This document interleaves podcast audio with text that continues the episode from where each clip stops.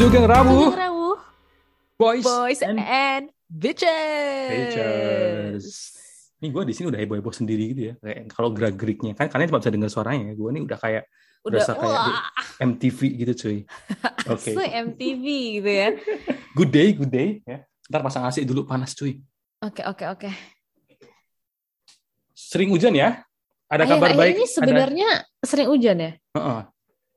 Ada kabar baik apa, Fris, by the way? Oh kabar baik apa ya hari ini? Eh gila ngomongin hari ini ya. Gila we, hari ini tuh bener-bener one of the highlight of my week karena tadi siang tuh beli McD Hmm. buat lunch karena emang sibuk banget. Dan terus guys, jadi tuh tahu di Malaysia ada nasi goreng yang terkenal banget. Dan Mm-mm. like I'm just so surprised gue tuh nggak pernah denger nasi goreng ini Nasi goreng apa sih kok gue nggak tahu? namanya Uncle Sun jadi ini dia Oke. cuman jual nasi goreng doang dan dia itu bikinnya nggak di panci yang gede ya jadi lo misalnya bikin 6 dia kan bikin individually order Per gitu ya porsi ya. per Oke. porsi dan itu tuh cuman nasi goreng sama udang sama telur tapi enak banget terus dikasih sam- sambal kayak sambal terasi gitu di sampingnya Langsung gua Google.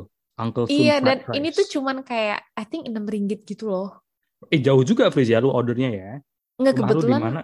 Ada yang ini kan ada yang kerja deket sana terus pas mau Hmm. pulang dia bungkusin gitu cuman gue kaget Oh. aja kayak oh my god dia cuma jual satu ini doang kok bisa terkenal banget sampai cabangnya tuh di mana-mana loh Oh iya, tapi ya sama lah Mm-mm. kayak orang jual kayak char kway teow, udah kenalnya char kway teow aja biasanya kan. benar-benar Itu jadi dia terkenal. cuma lo pilihannya gampang nih cuma nasi goreng kecil medium gede terus udang doang udang telur udang char siu udang char siu telur atau char siu doang gitu Itu biasanya kalau rame gitu ya, konon katanya yang masak itu masaknya pakai celana dalam Fris. ya iyalah pasti pakai celana dalam Gayus kalau ya. nggak pakai kayak agak-agak Malah justru dipertanyakan. Gondal gandul angkelnya. Gondal gandul, asoy. Terus But itu- yeah, but basically gue bersyukur karena I happen to know that karena kan gue pindah nih. Jadi Mm-mm. sebelum gue tuh bulan ini sebenarnya pengen ke tempat-tempat yang gue suka, pengen makan-makan yang gue suka gitu. Hmm, untungnya udah boleh ya. Sekarang Iya, buat yang fully vaccinated ya. Kayak Mm-mm. gitu. Eh, kabar Kalau baik yang apa nih?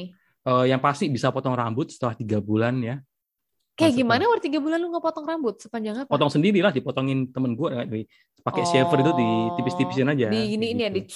di Mm-mm. kanan kirinya gitu ya. gitu terus akhirnya ini udah proper haircut tuh kayak benar-benar kayak oh I ini feel udah good. ini nih reborn. anak gaul nih. iya Anak- kalau bisa ngeliat mukanya aduh nih rambutnya nih AGJ nih AGJ. gue masih bawa salon ini Saking ininya ya. Eh, saking lu- baru fresh from the Edward dia setelah udah lewat dua minggu vaksin loh dia udah gak tahan nih langsung potong Bener. rambut dia. Bener kayak gitu. Itu kabar baiknya sih. Dan eh, Malaysia juga sudah mulai memasuki masa endemik ya. Sebenarnya gue bingung endemic itu maksudnya apa? End of the pandemic gitu. enggak endemik itu di masa di mana ya udah kita eh, meng-acknowledge gitu. Kita itu udah nggak denial lagi. Kalau ya udah emang virusnya nih Emang dulu kita denial?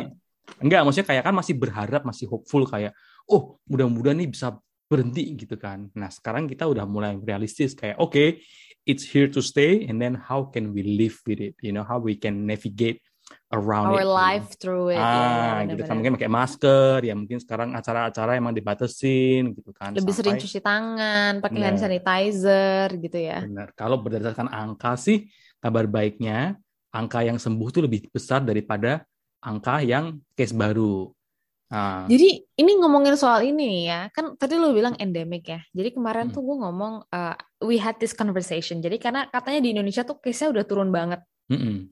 like turun banget gitu ya. Terus kayak kita tuh either kayak ah masa sih nggak percaya gitu kenapa Bener. kok bisa case bisa turun gitu. Nah terus banyak banget ya dulu di Insta- Instagram Story itu zaman-zaman COVID lagi parah banget di Indonesia itu banyak yang minta apa plasma kon konvalen something Oh like iya iya iya. that. Itu cuma di Indonesia loh. Iya exactly. Jadi Mm-mm. banyak yang oh apa tolong dong ini keluarga lagi butuh plasma Bener. A B and stuff like that, which I don't see it anymore. Bener ya? Eh iya ya bener ya. Right? Terus, jadi kalau misalnya banyak orang tuh yang malam-malam tuh suka dengar misalnya suara ambulan gitu ya, kan banyak yang ke unit ga- gawat darurat segala macam. Dulu kan sempat ada yang katanya orang tuh nunggu di luar rumah sakit karena nggak dapat Mm-mm. kasur. Nah itu tuh udah nggak ada lagi orang yang ka- cerita-cerita sedih yang kita ini udah nunggu lama nggak dapat kasur, Mm-mm. udah nggak pernah lagi. Dan setelah gue pikir-pikir ya, mungkin itu juga bukan karena tingkat vaksinasinya. Mungkin emang tingkat vaksinasinya lebih tinggi dari yang dulu. Mm-mm. Cuman di Indonesia COVID itu kan eh, bisa dirawat di rumah sendiri gitu loh. Maksudnya Benar. istilahnya bisa hampir kayak flu biasa kalau gejalanya tidak berat, bener nggak? Mm-mm. Dan yang kena itu udah kayak inner circle gitu. Misalnya, oh ya orang yang keluarga, ada yang kolik kita gitu. Ha-ha. Jadi gue ngerasa kayaknya herd immunity itu memang karena mostly di Indonesia tuh orang udah pernah kena, you know? I see. Itu Iya, sih iya, bener. menurut gue. bener sih bener kayak orang emang ya teman-teman yang gua tahu di Indo tuh pasti udah oh apa kabar oh habis negatif udah negatif nih oh ternyata ternyata habis kena kayak gitu. Exactly, exactly. Dan eh, tapi memang waktu itu gue sempat ngomong nih sama salah satu eh, apa namanya ex COVID positif, dia Mm-mm. bilang sampai sekarang tuh kalau misalnya dia mau lari apa itu dia masih eh stamina-nya masih kurang ya. Jadi Iya, kayak iya, iya. recovery-nya itu dia memang bertahap dan katanya sih there's some part misalnya kayak lungs atau apa when it comes to like respi- respiratory-nya itu agak harus dibenerin lagi setelah Yep. COVID katanya gitu.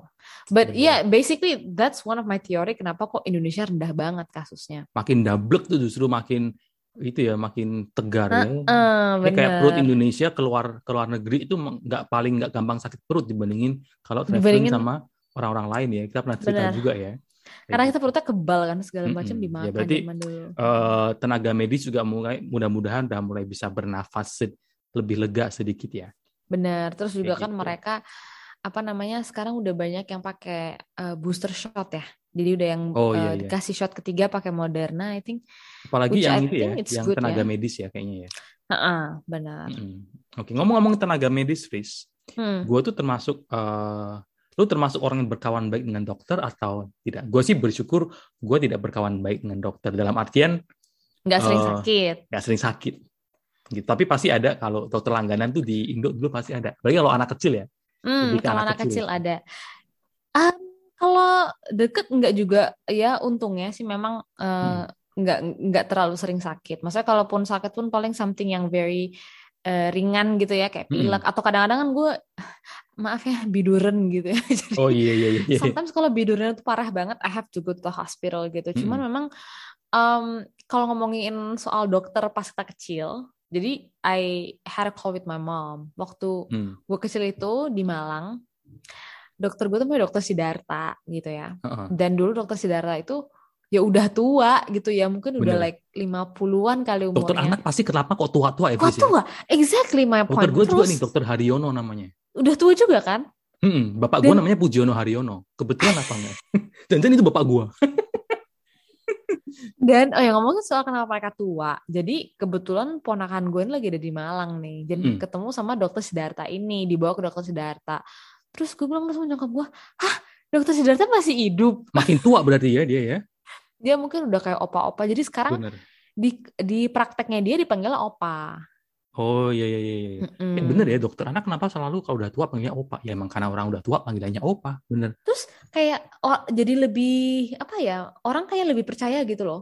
Mm-mm. Iya gue kan? masih inget tuh dokter-dokter anak gue yang dokter Haryono itu ya pintu masuknya depannya itu pagarnya pagar tanaman tuh loh Fis. kayak kayak semak-semak bus gitu loh. Mhm. Hmm, kayak gitu. Oh oke. dan itu gue masih ke sana sampai ukurannya gue udah gede loh gue masih inget kayak udah Mas- bukan anak-anak lagi hitungannya kayak mungkin udah Sampai masuk lo SMA. SD itu kayaknya masih ke sana loh SD SD-nya bukan SD anak-anak lah. Nggak, SD, SD kelas SD. 6 gitu. iya itu kan udah gede juga Fris sebenarnya udah mau mau Enggak lah SMP lah kalau menurut gua. Kalau kelas 6 tuh masih AN Ananda asik. oh iya tapi itu ya dokter Haryono gue masih inget kalau gue inget-inget tuh mukanya kok kenapa kayak opanya KFC gitu gue rasa Kayak Rambutnya- Colonel Sanders. Ram- iya rambutnya putih kumisan gitu Oh iya, jadi kalau memang dokter anak-anak tuh gitu, banyak yang eh, orang tua percaya tuh, oh kalau semakin tua nih semakin pinter, semakin jago. Mm-mm. Katanya kalau diagnosis tuh paling cuman dilihat, oh ini nggak usah khawatir, you know, ini Iya. sakitnya cuman ini aja. Terus ini nggak sih di Facebook tuh dulu sempat ada juga yang pediatrician yang mau nyuntik anak, terus yang dia main-main dulu, tat Iya. sambil nyanyi-nyanyi, itu kan juga dokternya tua ya. Hmm, bener, I think bener. they are more patient. Kelihatannya lebih patient aja sih kalau Di Indo tuh ada namanya dokter anak tuh bukan dokter anak manggilnya sekarang, Fris. apa? Kalau di antara eh, kaum mam-mam muda, buns-buns itu bukan Aha. dokter anak manggilnya. Jadi DSA, apaan tuh? dokter spesialis anak disingkat. Oke, baik. Seperti ya rakyat 62 seperti pada biasanya ya, selalu singkat menyingkat ya. DSA. Dulu dokter anak ya panggilan. Dokter anak, kayaknya dokter Dulu anak. dokter anak Atau sekarang bahasa kerennya eh, pediatrician. pediatrician ya. Iya, iya, pediatrician. Ah. Makanya ada susu namanya pediasure gitu kan. Mantap, mantap. Mm-mm. Iya, jadi Apa? kalau ngomongin soal dokter, em, the- lu pernah di opname nggak? Gue tanya. Wah, puji Tuhan sih gue nggak pernah, Fris. Ya, so Heeh. same. But pernah di infus nggak? Opname sama infus bedanya apa sih, Fris? Infus itu kan IV, maksudnya IV itu intravencular. Jadi misalnya kayak eh kayak ini deh, gue cerita soal pengalaman gue biduran itu ya. Heeh. Jadi gue tuh pernah, ini which is bikin gue kuala kap kapok banget, bukan Mm-mm. kualat deng. Gue tuh beli frozen pizza. Oke. Ya, terus gue tuh lapar kan. Terus gue memutuskan udah ah, makan frozen pizza aja. Gue makan, itu bener kagak ada dagingnya, itu cuman daging, eh cuman keju sama bayam. Terus Mm-mm. udah nih udah jadi kan frozen pizza gue. Itu karena zaman dulu oven gue tuh abal-abal ya, kalengan gitu. Kayak kan kalau pizza beku gitu kan sebenarnya udah mateng, cuma dipanasin doang kan pakai oven right. by right ya. Terus akhirnya pas gue mau makan itu masih agak chewy gitu loh, kayak nggak terlalu crispy. I see. Hmm. Gue pikir, nah whatever lah ya, gue lapar kan. Jadi gue Iya. berdua nih makan sama temen gue. Apalagi udah malam-malam ya, udah kayak males. Ah, ini udah malam-malam ya. nih. Terus tiba-tiba like jam sebelasan, eh nggak jam sebelasan deh. Oh iya jam sebelasan gitu. Kok gatal banget? Gue mikir gitu kan, "Wah, masa Mm-mm. digigit nyamuk sih gitu kan. Nah, waktu zaman itu memang gue tinggalnya tuh di ground floor. Jadi bal- balcony gue tuh ada kebunnya gitu. Which is sometimes emang can have mosquito kan. Mm-mm. Terus gue lah, ih benjol satu kan gelap nih kan udah mau tidur. Ah benjol Ah. satu, oh nih nyamuk nih. Terus sambil gue kasih minyak kayu putih gitu. Sambil itu tusuk kuku. Lama-lama, ih kok gatalnya di mana-mana ya gitu kan. Hmm. Gue nyalain lampu, satu paha tuh udah di Oh, udah kayak Heeh. gitu ya. Udah udah biduran terus kayak ah panas kan jadinya kalau udah Hmm. biduran tuh kayak bagian yang bentolnya tuh panas gitu. Bener-bener anget. Akhirnya kayak oh nih nggak bisa deh mesti ke rumah sakit karena kebetulan kagak ada eh, antihistamin di rumah. Antihistamin. Iya, iya, iya. Akhirnya udah nih kan ke rumah sakit. Nah pas di rumah sakit itu udah lah ya kita kan ke gawat darurat nih gengs. Mm-mm. Kalau kita ke gawat darurat itu kan maksudnya namanya gawat darurat loh. Berarti kan maksudnya Mm-mm. I'm in pain gitu kan. Mm-mm. Terus karena Joy itu dia takut ke rumah sakit. Jadi dia tuh nge- ngedrop gua doang gitu. Ya, kok gitu amat cuma dia sih? gua doang. Terus gue eh gue di- jadi dia parkir, terus eh, gue kan cuma masuk gue pikir ya udah langsung Mm-mm. diobatin gitu kan. Terus kasih itu data-datanya segala macam, isi formulir dulu, nunggu dulu, ditimbang dulu. Terus Iya, gue iya, kayak iya. ya ampun orang tahu gak sih gue gatel banget kayak sebadan tuh gatel kan terus susternya tuh kayak pre apa pre praktek sebelum dokternya datang gitu loh dilihat Hmm. oke apa salahnya gitu kan dilihat data-datanya terus gue kasih lihat dong biduran gue oh ini ini uh, maybe it's allergic atau maybe you're stressed ini tuh trigger Oke. by that gitu Oke, pada saat itu lo tau nggak biduran itu bahasa Inggrisnya apa?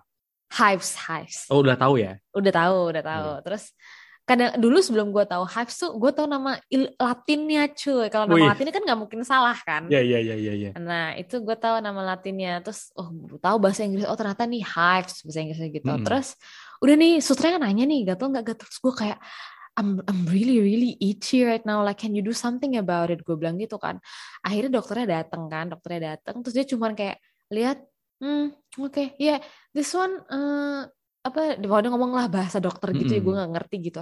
Tiba-tiba dibawa lah itu, in, apa, besi Dripnya. infus itu. Oh, iya, gue iya, iya, kaget iya. dong loh loh loh, loh wait wait wait wait gue kayak am I going to be hospitalized atau apa gue bilang gitu kan Heeh. oh no no no no ini tuh kayak antihistaminnya cuman kalau kamu minum tuh dia efeknya lama mungkin bisa berapa jam gitu jadi makanya kita masukin ke pembuluh darah biar lebih cepet gitu Di- lewat infus itu tadi ya kan nah terus kan gue nggak pernah diinfus nih sebelumnya ya kan terus dia mulai tetet tetet apa nyelentik nyelentik bagian nyari eh, pembuluh pembuluh darahnya. darah itu Heeh. kan terus gue kayak aduh jarumnya tuh segini tuh nggak Gede kan? panjang banget gue udah kayak aduh kok serem ya gue udah kayak keringet dingin gitu kan gimana nih gimana akhirnya udah nih terus gue nanya Hmm. dong ini berapa lama gue bilang Mm-mm. gitu kan oh ini bentar kok paling cuman ya setengah jam gitu ya Mm-mm. udah akhirnya dimasukin obatnya lewat IV terus sekitar jadi pas obatnya dimasukin mungkin dalam waktu 10 menit tuh kayak biduran gue tuh udah kempes gitu men Uh, cepet ya, berarti emang cepet. Heeh, cepet banget jadi itu pertama kali gue di infus Gue sih nggak pernah sih. Tapi yang gue pernah inget tuh lo bilang ke unit gawat darurat tuh gue nganterin temen gue.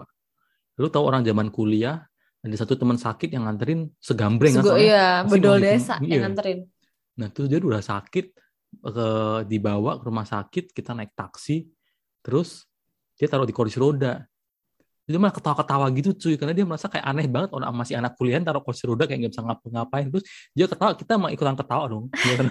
emang dia sakit apa by the way Kenapa ya? dia kayaknya eh, asam lambungnya kumat yang parah gitu loh, Fris, sampai yang kayak terus oh kayak GERD gitu ya Mm-mm, Heeh. mm-mm. kayak gitu. Alah, kasihan. Mm-mm. Terus eh, yang gua dokter gua abis itu tuh lebih ke dokter-dokter yang kayak eh, ya kalau sakit-sakit demam paling minta mau minta surat sakit izin dokter gitu ya. Tadi lu ngomong apa namanya yang soal biduran karena gue gue tanya kan bahasa Inggrisnya tahu nggak lo? Hmm. Kan karena pengalaman gue pertama kali di sini di mana kita harus kayak bahasa Inggris menjelaskan ke dokter gejala yang lo alami itu susah banget coy.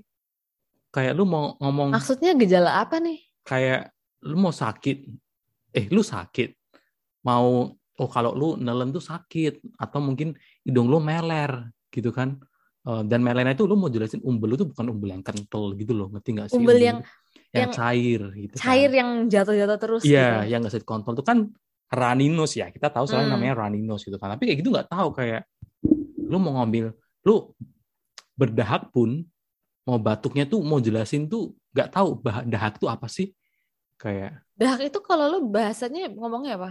Eh, sekarang tahu kan phlegm kan Bukan, amin. Oh. Pribadi Indonesia lu bilang dahak itu apa? dahak lah No, amin Rea- bahasa rea. Jawanya. rea Rea. rea ya kan sih Apa ya? Rea ya kalau kalau di. Semarang bilangnya rea ya. Eh, rea kalau gue sih sih gue sih rea Eh, kok gue Dahak. ingetnya ria ya? Banyak rianya. rea rea Ya. iya ya, ya kurang lebih lah. Jadi gue Oh bilang apa? gitu. kayak oh slimy slimy Oh, slime coming out of my throat. Gitu kan. Ada. kayak gitu. Cuma kan ya itu kan terus belajar. Tapi setelah itu kalau pengalaman dokter tuh suka nyari suka kadang-kadang ngagetin Fris. Ngerti nggak? Kalau apalagi Gimana kalau masih ngagetin? di mana lo nggak siap dibilang oke ini kita mau gini ya. Di mana lo belum siap dia bayang satu dua Jus. belum tiga tuh langsung udah digitu atau mungkin lo di seliwerin nih diajak ngobrol-ngobrol terus baru langsung dilakuin prosedurnya Nah, Ih, ini- ini ngomong-ngomong prosedur apaan ya? nah gue cerita gue pernah kejatuhan meja gosokan jadi meja gosokan kan bisa lo naik turunin terus dikunci celek gitu eh Hahaha. enggak deh meja gosokan tuh kan kalau lu udah flatin udah turun terus kan biasanya mungkin taruh di tembok Pinggir tembok, kan. ha. Ya, Terus? terus gua taruh itu merosot kena lah. How?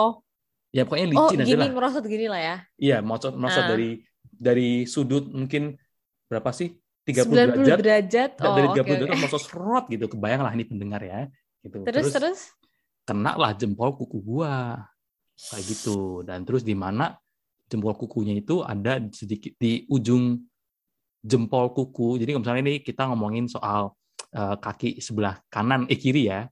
Jadi ujung kanan jempolnya itu ada daging yang terkelupas ya yang kayak terlihat Oh, nggak terlihatnya kecil cuma nggak bisa lu cabut sendiri karena itu itu tapi kalau lu mau shit. Tapi Tunggu sakit. tunggu. Jadi ini maksudnya daging lu tuh kayak ngintil kayak- gitu, ngiwir-ngiwir gitu. dikit dikit mungkin kayak mungkin sekitar satu milimeter aja cuma itu kayak rada dalam jadi kalau misalnya lu mau tarik gitu nggak mungkin bisa cuy itu pasti itu sakit pasti dan jerit itu, kerasa. itu berdarah ya kan udah berdarah pokoknya Terus? sakit sakit dong. Dan akhirnya gua ke klinik kan. Naik taksi sendiri gitu kan Aduh, apa sakno namanya. nere. Mm-mm, pakai sendal jepit kayak gitu kan. Terus ya nggak punya bandage kan. Jadi bungkus apa bungkus tisu pakai selotip lah ya kan? Sementara. Astaga. sementara. Tapi dibersihin dulu bersihin dulu pakai betadine gitu gitu kan. Gua ke klinik. Oke dilihat dicek cek sama dokternya. Dokternya itu kan kayak eh dia kan mungkin ngadepin pasien itu biasa aja Fris ya. Jadi tunjuk tunjuk sama dia itu juga kayak dia nunjuk nunjuknya itu kayak nggak pakai perasaan itu kayak ya, oh gini terus gue kita nih udah Mukanya nyengir-nyengir gitu, kebayang gak sih? Cuy? Dianya kayak nggak peduli gitu yang ini sakit, ini Iya. ini this area, Ah. this area oh, gitu. dia tuh kayak mukanya, oh, di sana is okay one, gitu kayak, oh, not, not, nggak, nggak terlalu dalam, not too deep, gitu. Mhm. Oke, oke, Uh, I will cut it off, you know. Terus gue tanya dong, oh, ini bakal Dibius apa? bius nggak ada anestesi nggak gitu? Ah, don't worry, don't worry. Yeah, very small, very small. It's okay. You know, just clean and then take it and then wrap it up. Oke. Terus dia tanya-tanya lah, kan bersih bersihin, dilap lapin gitu kan. Ah. Gue kan udah ngeliatin terus itu kan, siap-siap terus Terus? disclaimerin sama dia, kayak eh terus kamu oh kuliah di mana gitu, terus Ah. ambil course apa gitu kan. Itu kan jadi dalam gue pikir kan kali satu dua tiga gitu kan. gue ambil course internasional terus langsung cetek gitu. Jadi udah kayak dari ujung kaki naik ke ujung kepala ke bunuh. turun lagi cuy dan gue kayak Lu gue teriak? hah nggak sempet teriak gue tuh orang yang kalau udah Kayak kayak gitu nggak sempet gitu ya? teriak Itu. ya lu nggak punya waktu buat mikir ini apa kok anjir abis itu baru lo yang aduh kayak gitu Tapi itu tuh. gimana sih? Kok nggak dikasih obat bius tuh lo nggak ngerti gue. kayaknya terlalu kecil juga sih Fris dan mungkin karena gue Hmm. student dan mungkin pakai insurance card mungkin nggak ke cover insurance-nya ya Ini ngomongin soal insurance sih emang bener sih kalau nggak ada insurance tuh. Yang gue bidurin itu coba lu tebak gue habis berapa? Eh, pasti mahal mungkin Gue pergi Ah. ke Prince Court sih, cuma maksudnya tebak aja berapa. seribu ringgit tiga setengah juta rupiah Gila lo, enggak. terlalu mahal terlalu mahal 350. lumayan ya satu juta ya kalau di rupiah ya Lumayan cuy. Lumayan, Untung cuy. asuransi sih. Mm-mm. Jadi ya bener. udah. Kayak- Kalau gue ini pernah lagi nih di rumah sakit yang sama. Jadi gue tuh pernah waktu itu sakit eh, GERD juga. Mm-mm. Jadi ini waktu gue kerja di itu tuh e-commerce yang warna orange itu loh. ah oke aduh Jadi stres ya saking gue stresnya itu sampai kayak asam lambung gue tuh kayak parah banget gitu ya. Mm-mm. Dan to a point where sekali gue makan tuh langsung mohon maaf ya langsung seret-seret gitu. oh bukan muntah Iya, malah dari Dua. Jadi jadi ini langsung turun seret ha, atau gue kayak abis makan tuh kayak uh, gitu loh. Kayak rasanya perut gue tuh nggak bisa nerima makanan gitu. bener-bener. Waduh bisa gitu banget ya? Eh, jadi gue tuh kayak gitu tuh udah lumayan lama mungkin tiga bulanan gitu. Dan gue tuh udah ke I think dua dokter yang beda. Jadi gue sempet ke dokter yang deket rumah. Mm-mm. jadi deket rumah itu dia ngasih gue obat dong. Gue bilang kayak oh kan kayaknya mah nih gitu kan. Dia ngasih obat. Kayaknya obatnya itu kan terlalu keras ya. Jadi Mm-mm. gue tambah muntah-muntah gitu. Mungkin nggak Aduh. cocok ya gue balik lagi dong ke rumah sakit itu eh ke, klinik itu gue bilang oh nih gue muntah-muntah pakai obat ini. Terus dia kasih gue obat yang lain. Disuruh tunggu like mungkin sekitar 3-4 hari lah ya. Jadi gue nunggu nih pakai obat itu terus masih nggak bisa juga nih. Terus gue pikir ah gue ke rumah sakit aja dah. Gue mikir gitu kan mungkin lebih gampang gitu kan lebih Mm-mm. cepet beresnya segala macam karena kan rumah sakit gitu ya. Gue pergilah ke rumah sakit yang sama. Terus setelah gue cerita gitu kan dokternya waktu itu emang agak ganteng ya. Kan Ah-ah. dia pakai pakai itu ya. Terus dia kayak ada logat Inggrisnya gitu. Oke oke oke. Aduh makin uh, banyak nih yang kuliah di sana ya. Ah, jadi ah. kayak oke oke love uh, what's wrong with you love? Gitu oh iya. padahal orang sini orang lokal Iya kayaknya, cuman Right, ya mungkin right. sekolahnya di sana kan. Jadi Mm-mm. gue dicerita nih, oh ya, I think I have something wrong with the stomach, da da da da. I think it's the acid reflux, bla bla sotoy banget gue. Mm-mm. Terus, oh that's alright love, maybe you can just lie down for me first, gitu kan. I- Udah nih, udah nih kan, gue udah tidur terus. dikasih I'm okay kayak- in it it's okay in it terus kayak dipegang kan kayak bagian lambung gitu kan. Mm-mm. Terus kayak, hmm, alright alright, so we're just going to inject you katanya gitu kan. Mm-mm. Terus, oh gitu, Ah, oke gitu. Terus kan dia keluar nih kan yang nyiapin suntikan ini. I think I told you before. Jadi pas eh, susternya masuk sama dia masuk, gue udah lepas celana cuy. Karena gue pikir suntiknya kan di bokong.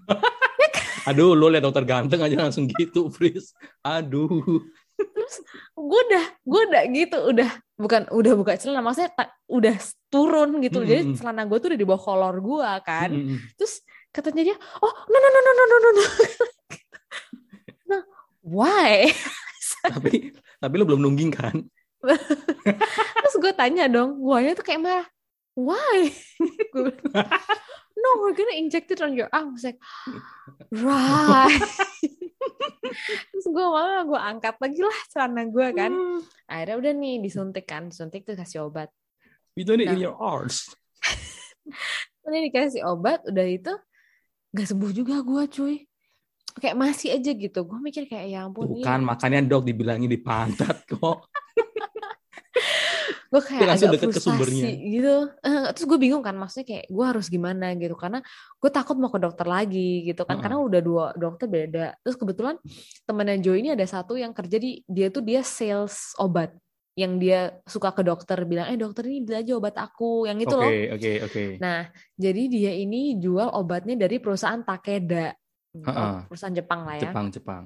Terus gue bilang sama dia, gue lagi ini nih udah sebulan gue GERD kayak gini nggak sembuh-sembuh. Gue udah kedua, dua apa tiga dokter gitu. Terus dia bilang, eh lo coba deh minum obat punya punya gue. Ini terkenal nih katanya buat GERD katanya gitu. Terus dia kasih gue dia dong. Eh, kan itu kan barangnya dia tuh. Heeh. Terus dia kasih gue. Terus dia bilang gini, sama lu coba kalau misalnya malam tidurnya tuh jangan 180 derajat katanya gitu. Lu coba deh Jangan? tidurnya agak naik. Jadi kan kalau kita tidur kan kayak gini nih. Dia suruh gue tidurnya tuh kayak gini. Oh jangan, jangan 180 derajat. Jangan berbaring berperbahan total gitu. Gua kira lu bener sih kalau secara derajat Ya tuh kan, jangan 180 derajat gini. Berarti dia kayak suruh naikin gue mungkin dinaikin. 160 derajat, 150 derajat gitu. Jadi kayak agak agak duduk tapi ya ya ya. ya. antara tengah-tengah duduk sama tiduran gitu. Terus gue mikir emang Iya. kenapa? Iya. Ya jadi biasanya kalau dokter yang ahli penyakit dalam itu kan kalau lu tidurnya rebahan total itu kalau orang GERD asamnya tuh naik lagi. Mm-mm. Jadi Right, memang right, harus gitu. Eh ya ampun pakai obatnya dia like tiga hari sembuh. Udah. Udah kayak oh my god. Bener-bener deh. Itu gue nggak pernah lupa tuh dia baik banget. Podcast ini tidak disponsori oleh Takeda, tidak di tidak di approve oleh uh, Federal Drug Badan. Association ya. Dari badan perobatan This ya kita. podcast is not sponsored and approved. Biasanya kan iklannya approve ya. Ini nggak approve. Ini nggak approve gak? Ini cuman kebetulan uh, sharing ini aja, pengalaman pribadi ya. I see, I see, I Gitu. see. Oke. Terus gue juga pernah ke dokter tuh. Lu pernah nggak bisulan sampai ke dokter, Fris? Gue pernah. Gue Bisulan hampir. Waktu tuh soalnya di dekat ketek, men. Wah Jadi gue pikir kan kayak, oh males juga ya kok ke dokter kayak harus nunjuk ketek gue tuh kan. Tapi akhirnya untungnya sembuh sih, jadi nggak usah. gue itu dari ke- kecil tuh entah kenapa padahal gue kecil tuh makanannya selalu kayak cheese cheese cheese gitu loh gue suka tuh dairy waktu kecil nah gue tuh suka kecil tuh makan keju tuh suka sampai eh gue dijulukin di keluarga gue tuh kayak oh ini londo kurang keju gitu. Kayak gitu nah Terus terus apa nih? Terus kenapa Tapi pada kalau makan keju? akil balik mungkin hormonal juga ya Fris ya Hmm. itu tuh gue ada bisulan di pantat lah ada bisulan di punggung yang paling ada di hidung di hidung ini Itu juga sakit parah banget. Ya ini di hidung ya, tempas di ujung hidungnya mungkin pesek nih gara-gara itu sih bisulan itu kayak mungkin satu milimeter hidung gua ujungnya hilang gitu. Ini kalau hidung kan kayak ada bekas jerawat itu, ya, itu bukan jerawat cuy, itu bisul yang memerah meradang yang ada matanya itu bukan satu tapi dua gitu loh. I've never Itu- seen that Itu before. parah banget sampai gua tuh mesti di plaster itu. Tapi yang kedua bikin gua ke dokter bukan itu, di punggung gua. Eh, Ah. di apa namanya punggung sebelah kanan di apa, Oke. persendian bawah bahu itu kan ada tulang punggung di belakang itu kan ya Heeh. bahu itu kan yang kalau sendi-sendinya lo gerak-gerakin ada gerak-gerak gitu kan Iya. nah itu di situ tuh sebelah kanan itu parah banget kita udah coba mengobati sendiri itu kan kirain oh ini ya kecil aja gitu kan sampai akhirnya mau dipencet kan itu kok kayak kan harus dikeluarin matanya ya Hmm. gue udah nggak kuat cuy gue udah nangis di rumah kayak nangis sesakit itu Fris Gila, Tuh sampai- bisul ini kalau nggak salah matanya emang dia harus keluarin. Terus kalau Mm-mm. dia udah keluar itu dia nggak boleh ke ke bagian kulit yang lain karena bisa jadi numbuh bisul lagi, no? Ah, mungkin lah ya anyway terus mungkin ya bener Terus pokoknya Terus, dibawa ke eh, rumah sakit. Rumah, rumah sama rumah sakit itu susternya. Wah suster tuh kan kalau kita kan yang sampai itu tante gua dari teman rumah datang ke rumah gua nyokap gua ngeliatin oma gua nungguin eh Ini gua kayak ngeliatin. Tontonan ya? Yo cuy. Mereka mau mencoba meng- mengeluarkan kan udah keras gitu mata loh Terus, iya. Kan yang harus dikeluarin kan. Nah nggak bisa akhirnya Coba pakai jarum yang dibakar gitu nggak sih? Nah kan maksudnya di rumah kayak takut ya kalau misalnya kayak gitu kayak gitu Terus ya. nggak tega. Nggak tega. Nah Eh, ini nggak tega. gitu loh. Kakak gue pernah ya waktu itu gue bisulan di sini, terus udah nih di, mau coba nih dijojol Di sini pakai nih jarum yang di ini ya, dibakar di apa namanya di shin, deket ah, shin. arms, Eh bukan di- shin kaki mah. eh shin kaki di bagiannya Nah, di belakang ini bagian tangan lengan. bawah. Apa ah benar-benar ris tapi bawahnya lagi nih Nah itulah. tulang khas tulang khas Nah, Nah, iya iya iya. terus kan ada bisul tuh di situ terus kakak gue harusnya ngeluarin kan Hmm. dia tuh ini bukan karena sakitnya. Padahal dia tuh kan sebenarnya gemes ya sama gue ya. Cuman nggak tega. Jadi untuk ngejojosnya tuh kalau Iya. keluarnya emang nggak tega Word. Karena tuh ya itu lo tahu dan lo mungkin nggak punya keahlian medical gitu ya. Nggak tahu ntar kalau Hmm. takut merucut atau gimana. Terus dibawa ke rumah sakit. Sama rumah sakit. Akhirnya itu pokoknya saking gedenya waktu itu susternya juga ngeluarin kayak hmm wah nih.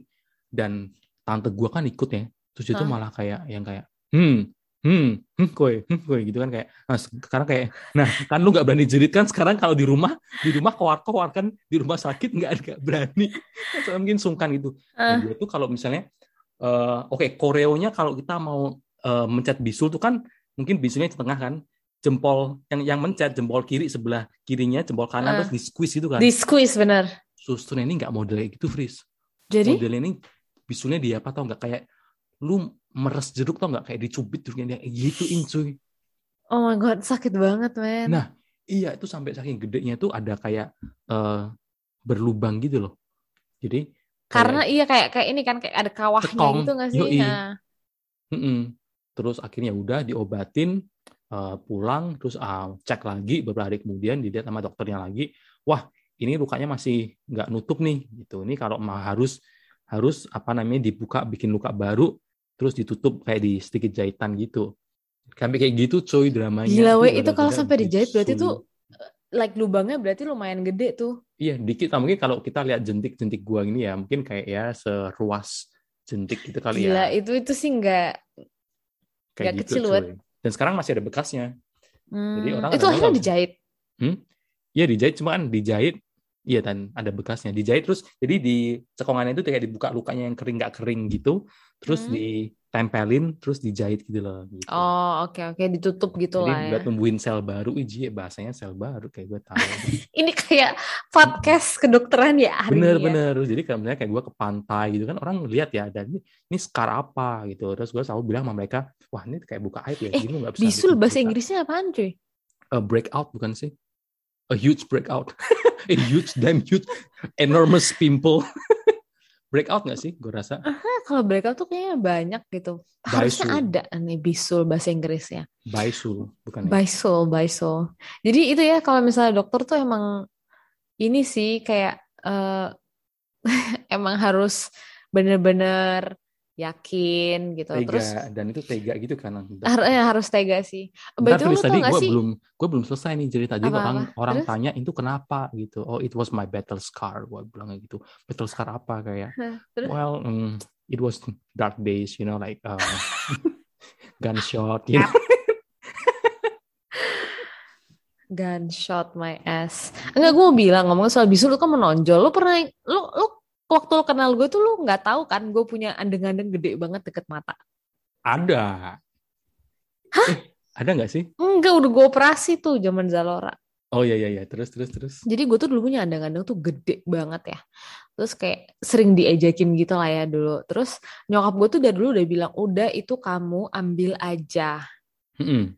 Katanya emang dilihat dari tempatnya, itu tuh kayak I'm gonna be a sad person, like Oh. nangis terus gitu. Karena it looks like a teardrop gitu oh kan. dekat mata soalnya ya Di sini, heeh. terus Mm-mm. in the end eh, gue pikir ya udahlah ya ayo kita cabut aja deh gitu terus eh, sama nyokap gue tuh dibawa ke this very famous beautician gitu di Mm. Batam ya kan pas gue pulang ini gue awal-awal pacaran sama Joey kalau nggak salah terus pas gue balik jadi ceritanya itu andang-andang itu gede banget ya jadi Mm-mm. kalau orang andang-andang biasa tuh misalnya di laser kan habis dipakein numbing cream apa Mm-mm. namanya Bu- pem- cream cream bius cream bius cream bius itu kan di kulit habis itu ditulil gitu dicolek gitu dong Ya. Ini kalau secara- kelepas Heeh, secara size Fris kasih gambaran apakah eh, choco chip meses choco chip atau boba enggak enggak boba sih kayak choco chip lah choco chip Choco tapi chip. dua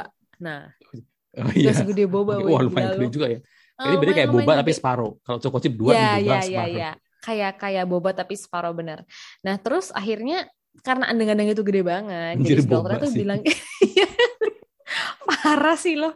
Jadi dia bilang, dokternya tuh bilang sama gue kayak, oh iya ini tenang aja nggak sakit kok ini, cuman nggak bisa kalau cuman sekali aja. Jadi katanya Heeh. kalau kalau dia mau maksain nih ya, cuman sekali, andeng-andeng itu kan ada akarnya, Heeh. ya ada akarnya ke bawah gitu. Ah, Katanya dia kalau andeng-andeng itu dicabut itu harus sampai ke akarnya. Kalau nggak dia akan tumbuh lagi nih. Karena itu kan sel kan, sel yang Heeh. warnanya beda. Jadi itu akan tetap ada atau dia bisa bikin tambah gede. Nah, dia bilang, tapi kalau saya ambil semuanya, nanti kulitnya itu bolong karena akarnya itu sudah dalam ke Right. dalam kulit katanya gitu. Terus gue bingung dong. Jadi lo maunya gue gimana gitu Deket kan. mata takutnya ya, gue takut kena saraf gitu gak sih?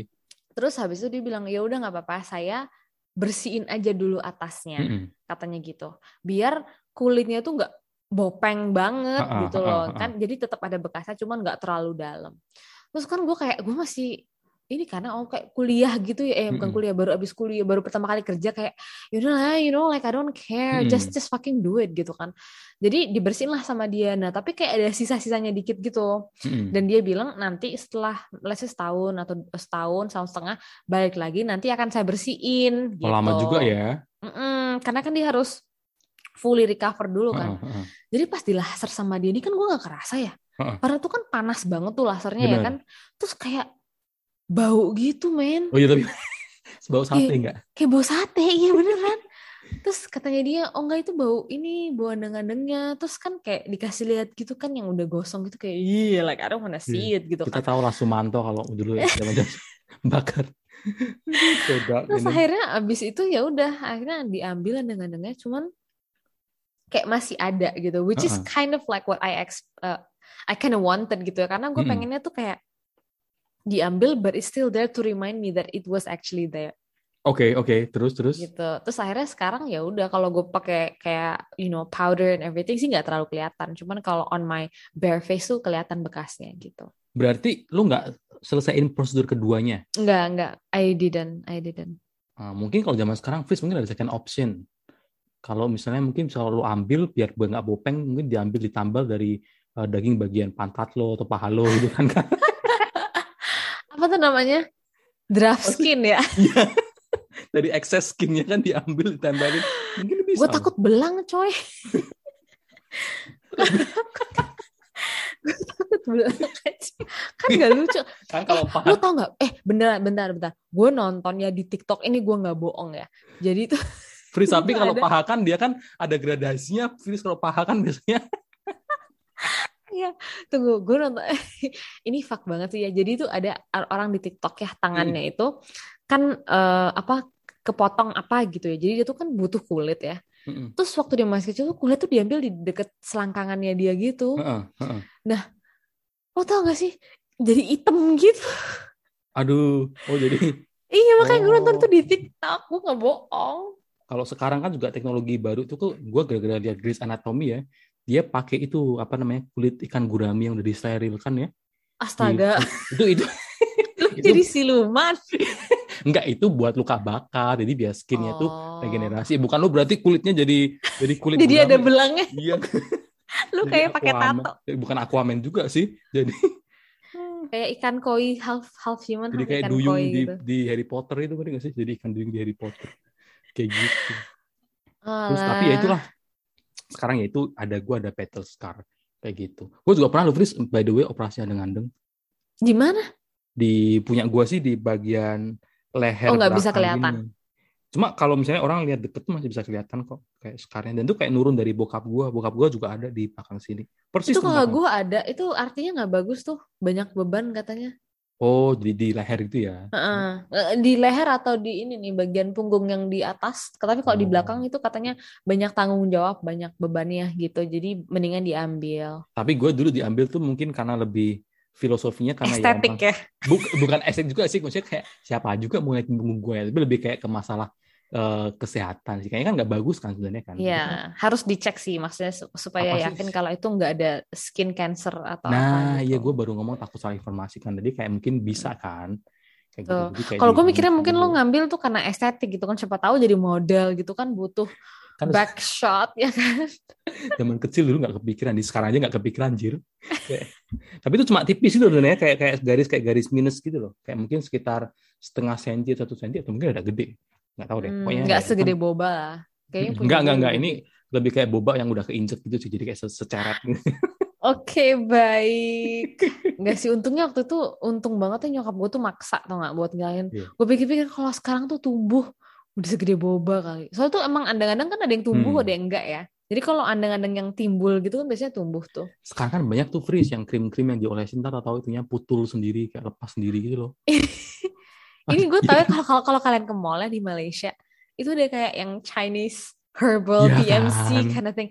Itu memang benar. Jadi ini, ini gue nggak tahu Kalau ya ntar yang kalau copot kulit-kulit alter- sekitarnya iya gimana? awal alternatif ini katanya kalau andeng-andeng yang kayak gitu itu dia nggak bisa andeng-andeng yang kayak rata di kulit terus nonjol dikit dia harus Mm-mm. andeng-andeng yang kayak keluar gitu loh Oh, jadi yang udah kayak mungkin yang lekatnya tinggal dikit gitu ya. lekatin eh, kayak skin tags gitu kalau kalian right, right, google right. skin tags itu yang bagian yang nempel di kulit bagian besarnya tuh cuma dikit nah kalau kalian Mm-mm. pakai krim itu emang dia bisa putul sendiri cuman dulu tuh kan waktu gue kecil tuh kan ada malu ya punya andeng-andeng Mm-mm. itu kan gede banget jadi gue kayak liat nih apa ada nggak sih alternatif gitu terus kakak gue tuh bilang katanya kalau lo kasih idu kalau kasih ludah kalau itu tuh bisa lepas sendiri katanya Aduh. gitu terus gue kan nggak percaya ya tapi gue kayak ya udah fuck No harm lah ya, cuma try." Kan ludah gitu ya. Iya, terus kan gue gak punya duit kan, ya udah gue coba aja.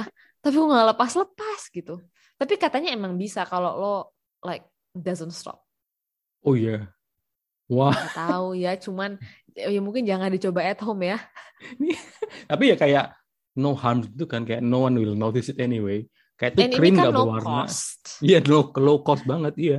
Kayak zaman dulu nih, misalnya kayak terapi yang terapi urin tau gak sih, Fris? Zaman dulu. Apaan? Zaman dulu tuh pernah ngetren namanya terapi urin. Jadi di mana lo meminum air seni lo sendiri untuk pengobatan. Kayak gitu.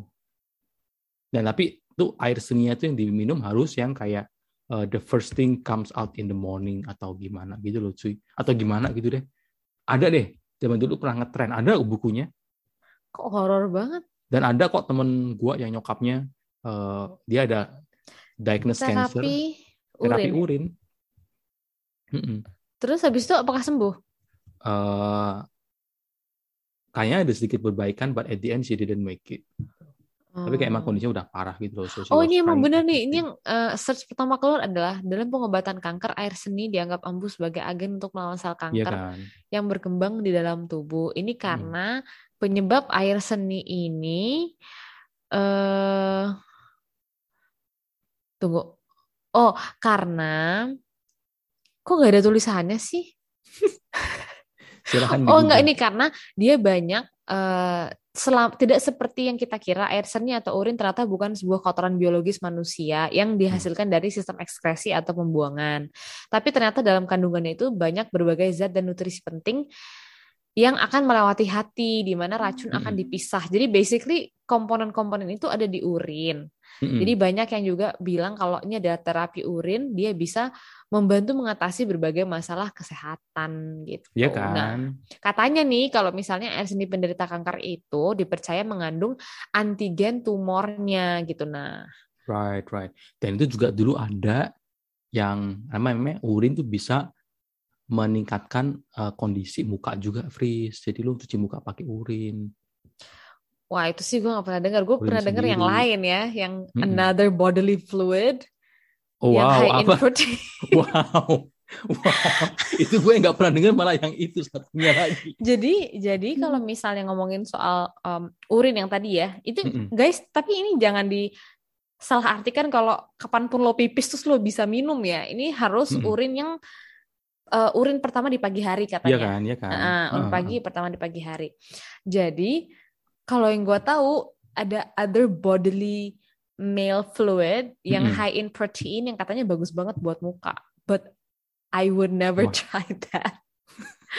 Lebih ke kinky sih. Yeah, lebih ke kayak I don't know if it was a lie, but in reality, oke scientifically speaking memang high in protein. Tapi apakah Mm-mm. aplikasinya harus langsung di kulit? Nah itu pertanyaannya beda lagi. Right. Ya ini kayak ada mungkin masker putih telur ya. Kan telur juga ada protein ya, cuy. Nggak sih? Iya, iya. konsepnya Kurang lebih lah ya konsepnya. well do it at your own risk ya ya do you do your research tapi sebelumnya juga consult to your dermatologist pesan-pesannya Jangan you don't come and find me, you know, after you Yoi. try it, you know. karena kita lagi-lagi sebenarnya Google coy tapi iya itu kan dulu pernah ada kok pengobatan-pengobatan alternatif gitulah ya kayak gitu ya Mm-mm. maybe we have everything we need in this body you know Ini muter-muter di situ aja ya bisa jadi ya. mm-mm, kayak gitu kan ya, ya apalagi ya dokter kayaknya itu aja sih Tapi Dokter. lumayan nih kita ngebahas eh, macam-macam dari terapi Mm-mm. urin, terus eh, apa namanya pengalaman dokter yang di luar negeri. dokter gigi gigi gue kayak oke B, B aja sih dokter gigi. B, B aja sih. Cuman lo tau nggak kalau misalnya di luar negeri ya, kalau di Eropa, lo misalnya sakit, lo manggil ambulans, itu eh salah salah. Lo kalau misalnya nggak ada asuransi, terus lo Mm-mm. gawat darurat, itu bisa sampai kayak 500 euro gitu. Wow, oke. Eh ini gue juga kayak mau meluruskan satu hal ya. Kayak ya di internet tuh kan selalu ada uh, konflik antara Indonesia dan Malaysia ya, di mana Hmm. Indonesia bilang kayak oh bahasa Malaysia tuh aneh ya. Kalau kayak dia bilang eh kalau Oh yang rumah sakit itu ya? bersalin itu dia namanya rumah sakit korban lelaki itu nggak bener ya guys. itu nggak ada guys, beneran. Nggak ada. apa kayak eh, apa tentara itu apa laskar Eh, injak-injak laskar bumi injak-injak itu bumi juga itu nggak nggak ada. ada. Itu nggak ada. Gila. Itu gue nggak tahu sih siapa yang menyebarkan hoaxnya. Di sini tuh juga rumah sakit bersalin dan rumah sakit bersalin Mm-mm. nggak ada apa korban lelaki. Mm-mm. Cuma yang kayaknya yang gue yang gue lucu tuh bayi di sini balita. Hmm? Coba kalian nebak apa? Kalian nggak bakal ketebak sih. Eh cahaya mata, cahaya mata. Asik. Oh. Cahaya mata. Hmm, hmm, hmm. Kalau di Indo apa? Indo ya balita, Cahaya bayi. hati ya? Cahaya hati. Buah hati nggak sih? Buah hati ya benar-benar buah hati. bayi. buah hati. Mungkin buah hati juga ada sih. Cuma ini untuk cahaya mata Anda. Hmm, Ya, kayak oh no, gitu. I never know that. Tapi ngomongin soal itu yang ngomongin yang buat hoax rumah sakit korban lelaki itu emang sukses banget to a point where kalau banyak yang bapak-bapak atau ibu-ibu kalau ke Malaysia tuh suka nanya gitu ya. Iya kan? Apa nih ya Malaysia apa rumah sakit korban lelaki? Iya kan? ada. Terus katanya kalau hantu POCONG, Mm-mm. kalau di sini namanya apa? Hantu bungkus itu juga nggak ada. Nggak ada, cuy. Cuma Namanya yang dia tetap bilang, sama. yang bikin nyokap gua ngakak itu apa adalah di sini sakit tenggorokan, kita bilang nggak sakit tenggorokan, itu sakit teka. Oh iya, di sini sakit teka benar. Itu itu gua- sekarang gua masih lucu sih teka. Kalau itu. kita teka tuh nggak dipakai ya di Indo ya?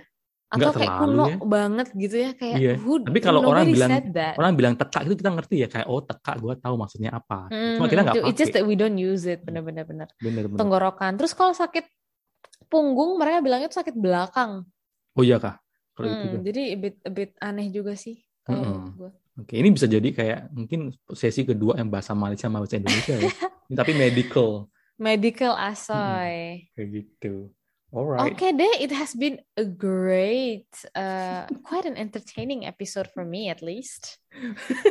Buka-buka apa? Aib ya. Buka-buka aib ya. kita sendiri ya. Pengalaman I hope you guys dokter. enjoy loh. Yo. Alright.